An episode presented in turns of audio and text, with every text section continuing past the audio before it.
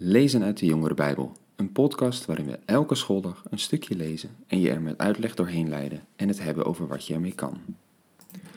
Dag jongens en meiden, goed dat je weer luistert naar een nieuwe week en nieuwe afleveringen van de podcast. We hebben de afgelopen weken gekeken naar de opstanding eh, en de kruising daarvoor van Jezus. Wat er allemaal gebeurd is daarvoor, hoe dat ging. En daarna hebben we ook nog gekeken van wat betekent het eigenlijk allemaal voor ons. Maar het verhaal houdt ook nog niet op in de Bijbel zelf, na de opstanding. Het gaat nog door. En daar is een heel boek van, Handelingen. En ik wilde deze week eigenlijk met jullie daar in grote stappen doorheen gaan. Wat gebeurde er allemaal nadat Jezus was eh, gestorven en opgestaan? Wat deden de discipelen? En hoe komen we uiteindelijk in de situatie waarin we nu zijn? Nou ja, daar zitten een paar mooie verhalen in en daar gaan we deze week naar kijken. En we beginnen gewoon bij het begin. Handelingen 1, vers 1. Laten we lezen.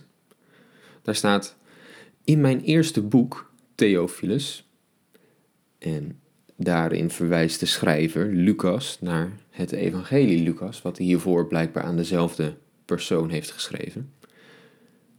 In mijn eerste boek, Theophilus, heb ik de daden en het onderricht van Jezus beschreven, vanaf het begin tot aan de dag waarop hij in de hemel werd opgenomen, nadat hij de apostelen, die hij door de Heilige Geest had uitgekozen, had gezegd wat hun opdracht was. Dat hij leefde, heeft hij hun na zijn lijden en dood herhaaldelijk bewezen door gedurende veertig dagen in hun midden te verschijnen en met hen over het koninkrijk van God te spreken. Terwijl hij met hen at, gaf hij hun deze opdracht: Ga niet weg uit Jeruzalem, maar blijf daar wachten op wat de Vader heeft beloofd, waarover jullie van mij hebben gehoord.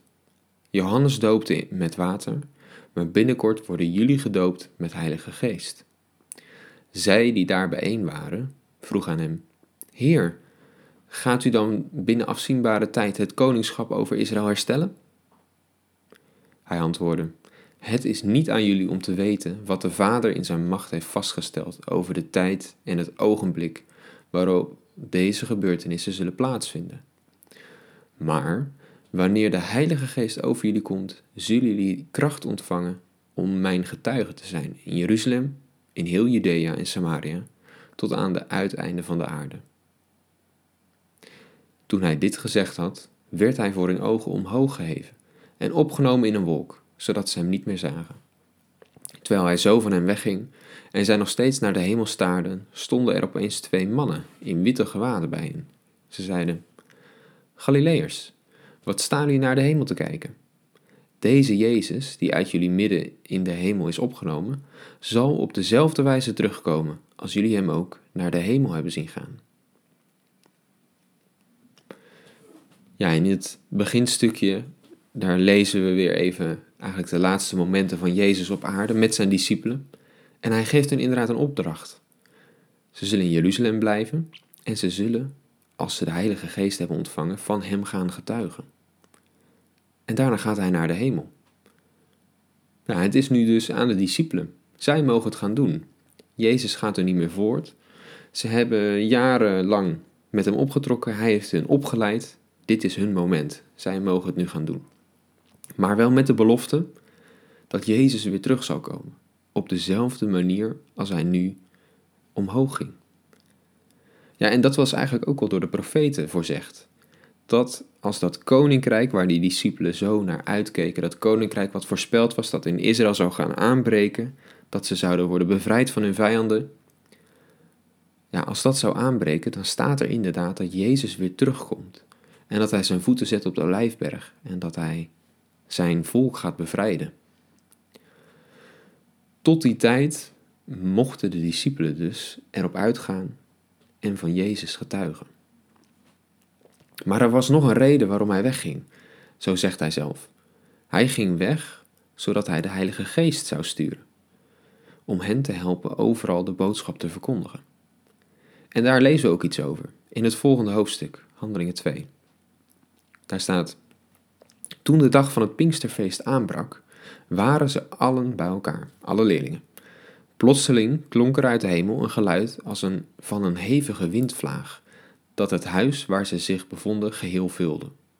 Er verscheen aan hen een soort vlammen, die zich als vuurtongen verspreidden en zich op ieder van hen neerzetten. En allen werden vervuld van de Heilige Geest en begonnen op luide toon te spreken in vreemde talen, zoals hen door de Geest werd ingegeven. Nou, wat je nou ook ziet in de rest van het verhaal, is dat ze gelijk naar buiten gaan en voor een hele menigte Joden die voor het Pinksterfeest naar Jeruzalem was gekomen, gaan getuigen van Jezus, zoals ze eigenlijk ook als opdracht hadden gekregen. En je ziet dus dat die Heilige Geest hun helpt om hun opdracht die ze van Jezus hadden gekregen te gaan doen. En eigenlijk zit diezelfde Heilige Geest ook in jou en mij. Standaard eigenlijk. We hoeven er niet op te wachten. Standaard, als we geloven, krijgen we die geest. En die geest die helpt ons om een relatie met God te hebben, Hem als Vader te kunnen zien. Maar die geeft ons ook kracht om soms andere keuzes te kunnen maken en voor God te leven. En die geest die werkt langzaam maar zeker uit dat we op een andere manier gaan denken en op een andere manier tegen de wereld gaan aankijken. Dat we langzaam steeds meer uit liefde gaan leven. De vruchten van de geest noemen we dat. En bij de discipelen zorgde het dus voor dat ze de kracht hadden om hun opdracht te gaan doen, te gaan getuigen. Nou, daarover gaan we morgen meer lezen. Tot dan.